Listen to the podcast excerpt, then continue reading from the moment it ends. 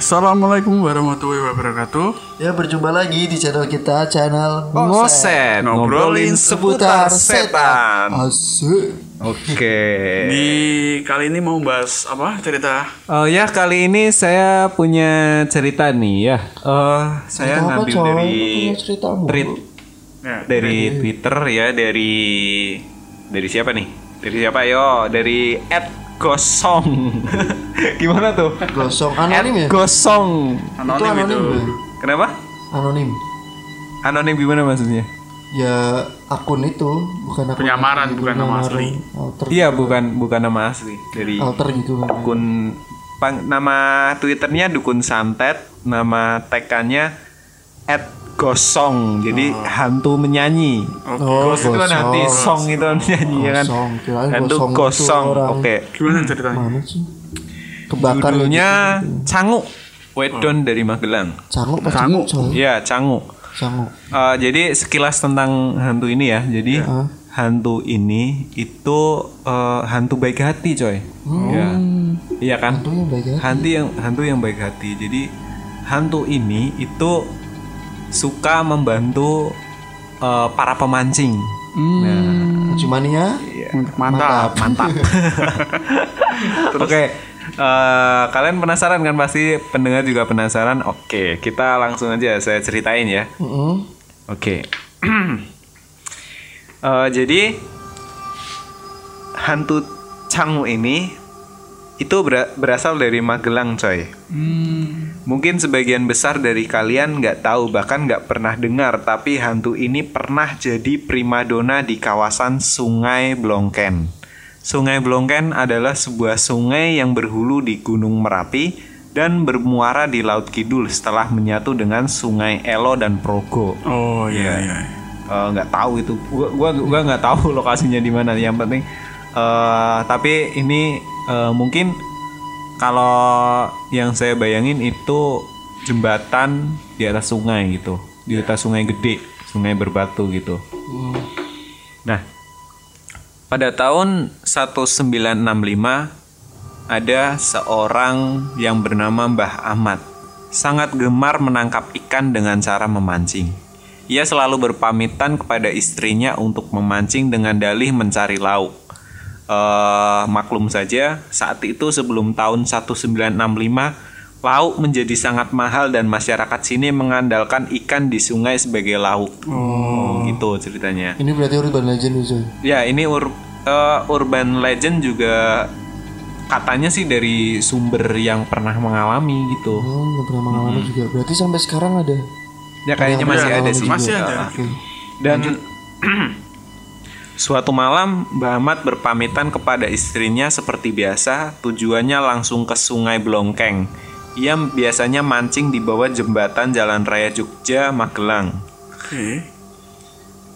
Eh, dan anehnya baru saja duduk ikan-ikan sudah berlompatan jadi Mbak Ahmad ini Oh. eh, setelah berpamitan sama istrinya dia langsung ngotw ke, Ke tempat spot pemancingan tersebut Sungai itu. ya dari eh, di apa Bawah jembatan, jembatan, di bawah iya. jembatan Jalan Raya Jogja Magelang Oke, dan pada saat ia baru sampai di lokasi, dia baru saja duduk, ikan-ikan sudah berlompatan. Mbak Ahmad langsung menyiapkan joran dan perangkat memancingnya. Benar nggak sampai 5 menit jorannya berkedut. Gitu. Jadi Cepet eh, banget loh. Iya. Iya, jadi pada waktu itu eh, biasanya itu rame, tapi di sini diceritakan bahwa eh, malam itu dia sepi. Oh. Jadi hanya beberapa iya itu iya dini hari. Mancingnya itu dini hari malam-malam. Mancing Dan kan dini hari ya. iya 12 dan waktu itu eh, hanya beberapa orang yang mancing di situ. Hmm. Berarti langsung nih coy. Gimana? Berarti duduk langsung ikan. Gimana? Iya. Kan cepet banget. Iya. Nyiapin Jadi dulu dia dia macam, dia duduk tiba-tiba di depan itu gitu, ya di ya. depan itu ada segerombolan ikan coy. Nggak sampai lima menit dia udah dapet Oh. Dan itu pengalaman pertamanya si itu kan, si Iya. orangnya itu pengalaman. di tahun 1965. Iya, ini kejadian di tahun 1965. Sungai Blongkeng berair sangat jernih, coy. Jadi sungainya itu berbatu dan jernih banget. Iya. Karena waktu itu belum ada pencemaran.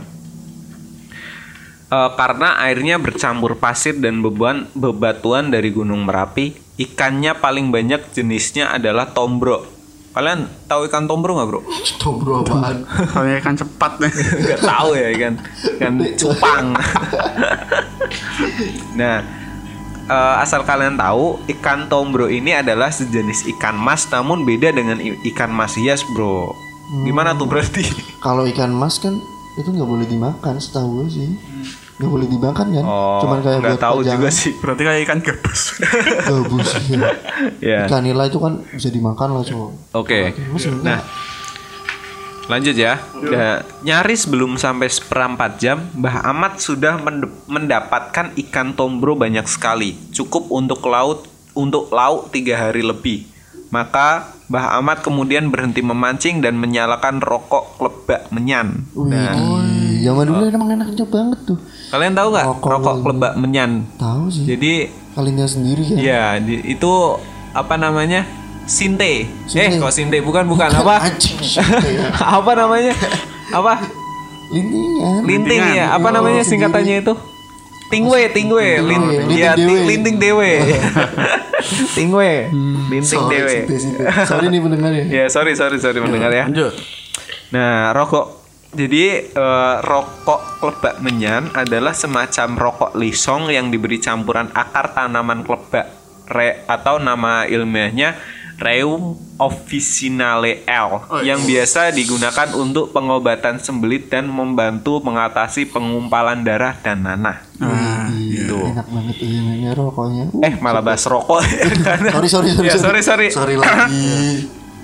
nah, pada rokok. waktu itu Mbah Ahmad ini karena eh, tempat ikannya ini udah penuh kan karena mancing 5 menit dapat 5 menit dapat nggak sampai seperempat jam dia tempat ikan udah penuh bro dan diceritain bahwa ini cukup buat eh, lauk selama tiga hari lebih Iya. ya kan Nah, terus akhirnya Mbak Ahmad istirahatlah di situ di pinggir sungai, nyalain rokok. Uh, PW PW parah itu, ya kan? PW parah di pinggir sungai ya kan sambil Sebat, sebat gitu. kan. Oh, nikmatin alam ya kan sendirian. Oh, itu Apalagi PW parah itu kan. belum Sampai ada pencemaran ya. apa Ya belum ada pencemaran masih asri ya kan, masih jernih Airnya gitu. jernih. Widih. Itu dan Pengen deh. Eh, bayangin deh, eh, saya bulan terang gitu kan, bintang-bintangnya banyak. Oh, itu PW parah sih. nambah tuh nambah. Dan tiba-tiba Ya. dari belakang itu ada yang eh, minta api dari Mbah Ahmad ini. Dalam bentuk apa itu? Ya maksudnya ada orang, yang mau minta api Iya. gitu. Terus Terus ditepuklah pundak Mbak Ah- Mbah Ahmad ini. Mas nyuwun gramane, Mas minta apinya. ya. Tiba-tiba Mbah Ahmad disapa seseorang di belakangnya. Tanpa menoleh, ia langsung menyodorkan korek api. Ia lalu asik membenahi ikan-ikan tombro yang didapatnya. Jadi karena saking asiknya dapat ikan-ikan banyak dan karena emang saking enaknya sebat kali kan ya. Ya. Ya sorry. Eh, Mbah Ahmad dimintai api itu eh, dia nggak noleh. Yang minta itu siapa? Langsung ngasih aja Langsung korek. ngasih koreknya aja Iya, gitu. gitu. Nih gitu koreknya itu. Dan terus orangnya tersebut bilang makasih. Namun dalam bahasa Jawa kan, matur nuwun nggih. Artinya terima kasih ya. Suara tadi mengucap terima kasih sambil menyentuh tengkuknya. Namun anehnya pas menyentuh tengkuknya tangannya itu dingin banget, Bro. Kayak eh, daging dimasukin ke freezer gitu. Dingin banget katanya. Dinginnya luar biasa pokoknya sampai Mbah Ahmad ini eh, mau nggak mau harus menoleh karena saking kagetnya gitu kan, saking ya dingin banget gimana sih ya kan. Malam-malam disentuh dari belakang dingin banget ya kan pasti kan kaget kan. Dan ia menemukan seseorang laki-laki yang sebaya dirinya juga tengah asik merokok klebak menyan.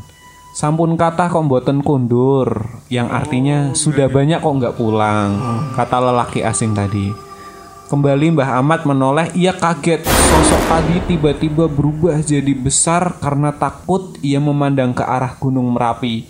Tapi rasa penasaran membuatnya ingin kembali menoleh. Anjay. Dan udah dia berubah seketika. Iya, iya dia langsung berubah seketika. Langsung Mbah Ahmad teriak, "Cenguk!" gitu.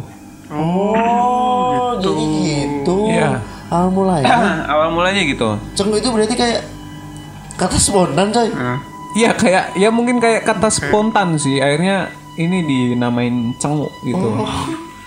Gitu. Unik ya. Iya. Unik. Terus Terus eh, Mbah Ahmad dengan gemetaran dia sambil bilang, "Gih, Mas. Iya, Mas." Karena si hantu cenguknya ini ngembaliin korek apinya si Mbah Ahmad tersebut. ya. Jadi Mbak Ahmad itu eh, menerimanya itu sambil gemetaran gitu kan. Terus akhirnya dan sosoknya ini asal lu tahu semakin lu mandang sosoknya ini dia sosoknya makin besar bro. Oh, berarti nggak usah dipandang terus iya. berarti ya? S- semakin lama lu mandang sosok ini semakin besar pula sosok ini berubah. Jadi kalau lu mandangnya sejam gitu kan, sosok ini bisa jadi setinggi gunung bro kayaknya. Gitu. iya. Kayak masternya Ultraman. Bamat langsung mengambil tempat ikan, ia lari meninggalkan cengkut itu. Sendal lili kebanggaannya tertinggal. Ia terus berlari menuju rumahnya. Di sebuah tikungan tiba-tiba ia menumbuk benda kenyal yang sangat dingin. Apa itu? Jadi karena saking gelapnya, Mbak Ahmad lari panik dan dia nggak lihat jalan. Tiba-tiba dia menabrak eh, benda yang kenyal tapi dingin. Hmm. Bisa ditebak nggak itu apa? Oh, nabrak. Nabrak apa nginjek? Nabrak. Kenyal tapi dingin. Iya, nabrak benda kenyal tapi dingin. Kalian bisa nebak nggak itu apa? Apa itu? Itu perutnya si cenguk. Anjay. Bisa bayangin nggak lo? Gede lagi, banget. Iya. Lagi berlari panik kan, tiba-tiba lu nabrak perut. perut gede banget gitu kan. Anjay nabrak coy. Nah, si cenguknya ini terus berkata, "Mboten usah belajar, kula mboten ganggu, namung kok sampean mboten matur nuwun." Yang artinya nggak usah lari. Saya kan nggak ganggu, tapi Anda kok nggak berterima kasih gitu. Suara lembut datang dari benda yang di tubuh itu. Ternyata perut si cenguk itu. Widih, bisa dibayangin nggak loh? Uh, gede, hitam, suaranya itu gede. Mal-mal ya? Iya, mal-mal gede tapi lembut gitu kan. Gagah ya. Iya. Dan terus oh nggih matur nuwun kata Mbah Ahmad. Oh iya terima kasih. Ya. Sambil masih terbata-bata karena saking takutnya. Setelah Mbah Ahmad mengucapkan terima kasih, cenguk itu menghilang dan dari kejauhan terdengar suara azan subuh. Gitu. Lama juga ya. Iya. Terus hilang Nah, tuh. kenapa? Habis ajaran subuh langsung hilang. Iya langsung hilang. Jadi eh, setelah Mbak Ahmad bilang terima kasih si Cengu ini langsung menghilang. Nah terus ini ada lagi nih. Nah ini pengalaman baru nih. Kepengalaman ya baru sih. Ya nggak baru sih. Udah 10 tahun yang lalu ya kan. Kalau yang tadi kan tahun 1965. Nah ini tahun 2000 nih bro. Ya. Itu, Itu cerita sama dari siapa juga. coy? Iya sama. Cucok juga. Eh ya ini si Cengu juga. Tapi kejadiannya itu siang bro. Hmm, Iya. siang. Oh itu kan pas tengah malam kan? Ini kan pas tengah ini. malam tadi. Nah ini Siang. siang bro. Itu dari cerita orang yang berbeda apa satu? Ya, cerita orang yang berbeda. Oh. Nah, pada awal tahun 2000 ada anak cewek namanya Anita memiliki kakek yang tinggal di daerah sekitar sana. Jadi rutinitas kalau malam nggak ngapa-ngapain karena belum ada pe- penerangan kan, otomatis tidur adalah kegiatan yang paling asik. Nah, pas subuh-subuh, Anita itu anak kecil cewek itu ke sungai bersama eyangnya Iya. untuk cuci baju atau neneknya. Nah, perjalanan ke sungai sangat gelap dan jalannya agak terjal. Jadi beberapa kali Anita sempat tergelincir. Sesampainya di sungai, Eyang Anita langsung mengambil posisi buat mencuci baju dan berpesan pada Anita. Diem di sini ya nak, jangan ke mana-mana gitu. Ya. Anita tetap diam di situ sampai dia melihat begitu banyak ikan berkumpul agak jauh dari dia berdiri. Karena kekepoan seorang anak kecil, Anita menghampiri ikan-ikan tersebut dan mendekat di bibir sungai. Dia mengira bahwa dia sedang halu, tapi ternyata ikan-ikan tersebut menyentuh kakinya. Iya. Berarti ngambil itu coy. Enggak, jadi gini, Anita itu kan tadi eh, duduk di agak jauh dari bibir sungai. Iya. Karena da- karena si Anita ini pas lihat sungai ada ikan banyak karena ya anak kecil kan kepo kan. bro. Iya.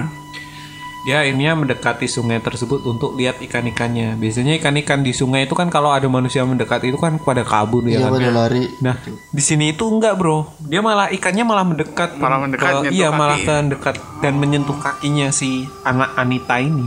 Anak perempuan yang bernama Anita Iya. ini. Si Anita lalu berteriak, "Eyang, Eyang, coba lihat ini, banyak ikannya." Kata Anita manggil Eyangnya tanpa melihat ke arah Eyang. Terus tiba-tiba ada suara ada suara dari belakangnya yang bilang gini, "Ayo bilang terima kasih udah dikasih ikan." Terus tiba-tiba Anita pun Kaget. kaget kan tapi dia nggak berani menoleh Oh. karena anak kecil kan dan waktu itu si Anita eh, bersikap tidak peduli dengan suara itu dia dengan asiknya masih bermain ikan dan saat Anita sedang asik main dengan ikan Anita melihat eyangnya sedang mencuci baju di ujung sungai yang jaraknya agak jauh dari Anita lalu spontan Anita berpikir lah tadi yang ngobrol sama aku siapa Waduh. Berarti kaget dong. Kirain kan kakeknya gitu. dia kirain kan eh, eyangnya yang ngomong Oh, si eyangnya itu. karena pas Anita lihat ternyata eyangnya jauh dari dia, dia berpikir nah tadi yang ngomong yang ngomong siapa? Ya kan? Dan di belakangnya ternyata sudah ada sosok kakek-kakek tua dan kulitnya warna hitam pekat mirip tinta Hmm. dan itu gede bro Kayak tadi kayak raksasa Si cengok itu. iya si cenguk itu ternyata it- itu si cenguk Berarti yang lihat cuman Iya sih, yang lihat cuma Anita. Karena si Anita ini nggak tahu kalau dia itu hantu, Iya. dia cuma bertanya, "Kamu siapa?" tanya Anita. Dengan polosnya, namun tak ada jawaban dari sosok tersebut dan hanya tersenyum. Hmm, cuma tersenyum. Anita pun berlari menjauhi dari sosok itu dan mendekati eyangnya. Dia pun bercerita kalau dia menjumpai sosok yang menyeramkan. Terus dia bertanya kepada eyangnya, "Dia siapa, Eyang?" tanya Anita. Cengu. Dia yang kasih ikan-ikan tadi buat main sama kamu. Oh, gitu. Jadi eyangnya itu sebenarnya udah tahu, Bro. Namun karena si Cengu ini Baik. hantu baik, Oh, eyangnya Dibiarin eyangnya aja. dibiarin aja gitu. Oh. biar main sama itu. Biar biar biar main sama ikannya si Cengu itu. Oh, asik juga ya berarti. Iya. Karena penasaran, si anak kecil ini keesokan paginya kembali lagi ke tempat itu. Wih, berani juga anak. Iya, jadi dia karena penasaran sama sosok ini, dia kembali ke tempat itu. Namun sayang, sok cengu ini eh, muncul ketika malam hari hendak menjelang subuh, bro. Oh. Biasanya, biasanya muncul di di malam hari hendak menjelang subuh, bro. Kalau di siang hari dia nggak muncul. Di siang hari cuman itu doang kejadiannya Iya, yang pada masyarakat tahu kan. iya. Nah, ada satu pengalaman lagi nih Dari, dari ya masih seputar cengu, namun dengan orang yang berbeda. Berbeda lagi. Iya Ini berbeda. berarti dari tiga orang. Iya, ini pengalaman dari tiga orang. Tadi kan kakek Amat, terus Anita, Anita. Nah, Terus satu lagi. dan ini Mas Ari. Mas Ari. Iya. Salam buat Mas Ari. Ya, ini adalah pengalaman saya ketika memancing di malam hari. Saya menuju ke sungai yang cukup besar di daerah saya, lokasinya di bawah jembatan, jembatan itu. Jembatan Jalan Raya Jogja Iya. Magelang ya. Yang tadi itu. Masih di seputar sungai apa Blokengan. Eh, apa ya? Blokengan ya benar. Heeh. Itu tahun berapa? Eh, ini di sini nggak disebutin tahunnya berapa sih, tapi kayaknya eh, masih Zaman sekarang kemarin ya? kemarin, iya masih kemarin-kemarin aja sih. Kalau kalian ke tempat ini sekarang pasti biasa aja karena sudah banyak penerangan dan dibangun taman. Tapi kalau dulu kalian akan malas jika harus lewat jalan pinggir sungai. Kalau malam karena selain gelap gulita, jalanan di pinggir sungai ini juga terbilang terjal. Makanya di sini selalu sepi seperti malam ini. Hampir satu jam aku menunggu namun tidak ada ikan yang memakan umpanku. Dan aku heran waktu itu. Dan sempat berucap tumben banget belum ada ikan. Tiba-tiba saya merinding. Tapi tetap positif thinking karena udara emang dingin banget. Tak berapa lama terdengar suara langkah dari kejauhan. Halo mas, sendirian. Dapat ikan ndak? Suara langkah kaki itu ternyata dari pemuda asing yang membawa peralatan pancing. Itu oh. Pikirku siapa nih? Gak pernah lihat. Terus pemuda itu berkata lagi, ya ini mas, gak ada yang nyantol satupun ikannya. Pindah sana aja mas, saya lihat banyak ikannya, ujar eh, si pemuda asing itu. Terus akhirnya Pemuda karena percaya, langsung pindah. Iya, lang- karena eh saya juga sendirian, gak ada temen. Iya. Akhirnya saya ikut eh, pemuda tersebut. Oh, boleh mas. Ya lumayan lah buat temen, pikirku. Kami pun menjauh dari tempat awal saya, memancing dan menjauh dari jalan. Tak berapa lama dia tiba-tiba berhenti. Ngapa berhenti mas? Tanyaku yang menabrak badannya. Dia menunjuk ke arah sungai. Itu mas, ikannya di sana banyak. Ujar eh, pemuda itu sambil menunjuk sekumpulan ikan di sungai. Wah, beneran banyak nih mas. Aku terkejut karena melihat ikan berkumpul seperti diberi makan. Tak pikir panjang saya pun mempersiapkan alat pancingku dan mulai memancing. Malam ini, malam itu anehnya saya selalu dapat ikan setiap kali menceburkan kail ke dalam sungai dan tak perlu menunggu lama. rezeki orang nomplok. ya. rezeki nomplok Aku pun melirik pria asing itu. Aku lihat dia duduk di atas batu dan hanya menatapku sambil menghisap rokok klobot menyan. Wah mantep mas, ayo mas ini ikutan mancing mas. Masa liatin doang ajakku kepada seorang pemuda asing tersebut. Enggak mas, saya di sini aja berjaga saat pria itu. Berjaga dari apa sih mas? Ayo sini mancing bareng, ajakku meyakinkan. Hmm. Dan saya kaget ketika pemuda ini bilang saya menjaga dari dedemit yang jahil mas. Anjir. Jadi langsung pikirnya pasti Iya, iya. Pikiran pikiran si Arinya itu langsung ke mana-mana bro. Iya. Tapi dia tetap positive, Positive thinking, ya kan. Dan si Arinya cuman eh balas ada-ada aja mas. Ya sudah kalau nggak mau ikutan biar aku sendiri yang memancing. Hehe. Sautku sambil tersenyum. Aneh sekali orang itu. Tapi terserahlah. Yang penting aku dapat ikan banyak malam ini. Pikirku gitu. Aku pun melanjutkan memancing sampai kantung ikanku terisi penuh dengan ikan dan memutuskan untuk pulang. Nah, udah aja deh, pikirku sambil berberes peralatan memancingku. Setelah selesai berberes, pria itu menegurku. Udah mau pulang, Mas? Ya nih, Mas, sautku sambil menoleh ke pria tersebut. Tapi betapa terkejutnya dan ketakutannya diriku ketika melihat sosok hitam besar dan semakin besar terus membesar sampai wujudnya seperti setengah dari gunung Merapi. Nah, seperti yang tadi saya bilang tadi, Makin lama. jadi cengu ini semakin lama dilihat, dia itu Makin semakin besar. gede Oh. gitu. Ya, terus terus. Nah, terus si Ari ini dia ketakutan sementara sosok tersebut semakin besar. Si Ari ini nggak bisa apa-apa. Dia Cuma cuman melongo lihat sambil gemeteran dan si makhluk ini yang tumbuh semakin gede semakin gede. Dia pun spontan langsung berlari sekencang-kencangnya menjauh dari tempat itu. Peralatan memancing dan ikan saya tinggalkan semuanya. Tapi tiba-tiba saya merasa menabrak pohon. Saya lihat ke arah depan ternyata itu adalah sosok tadi. Bisa dimain nggak tuh? Jadi, Jadi. Gede kan soalnya. iya. Ya. Jadi eh lu tiba-tiba ngeliat sosok raksasa, terus lu lari panik ninggalin raksasa tersebut. Tiba-tiba di depan. Tiba-tiba di depan lu nabrak dia. Gimana tuh? Bisa dibayangin gak? Creepy kan? Dan yang dia heran ini eh dia sosok ini dia berkata, "Tenang saja, saya tidak mengganggu. Itu kantung ikanmu ketinggalan. Ayo berterima kasih." "Ter- Terima kasih, sautku sambil terbata-bata. Sosok tersebut pun tersenyum dan perlahan menghilang. Cenguk, begitu warga sekitar menyebutnya. Walau sudah terdengar beberapa kali sosok penjaga sungai ini, namun itu pertama kali saya lihat sosoknya. Walau hantu cenguk ini sebenarnya tidak mengganggu dan malah menguntungkan, tapi cukup itu saja pertemuan saya dengannya karena saya masih merinding jika mengingat sosoknya.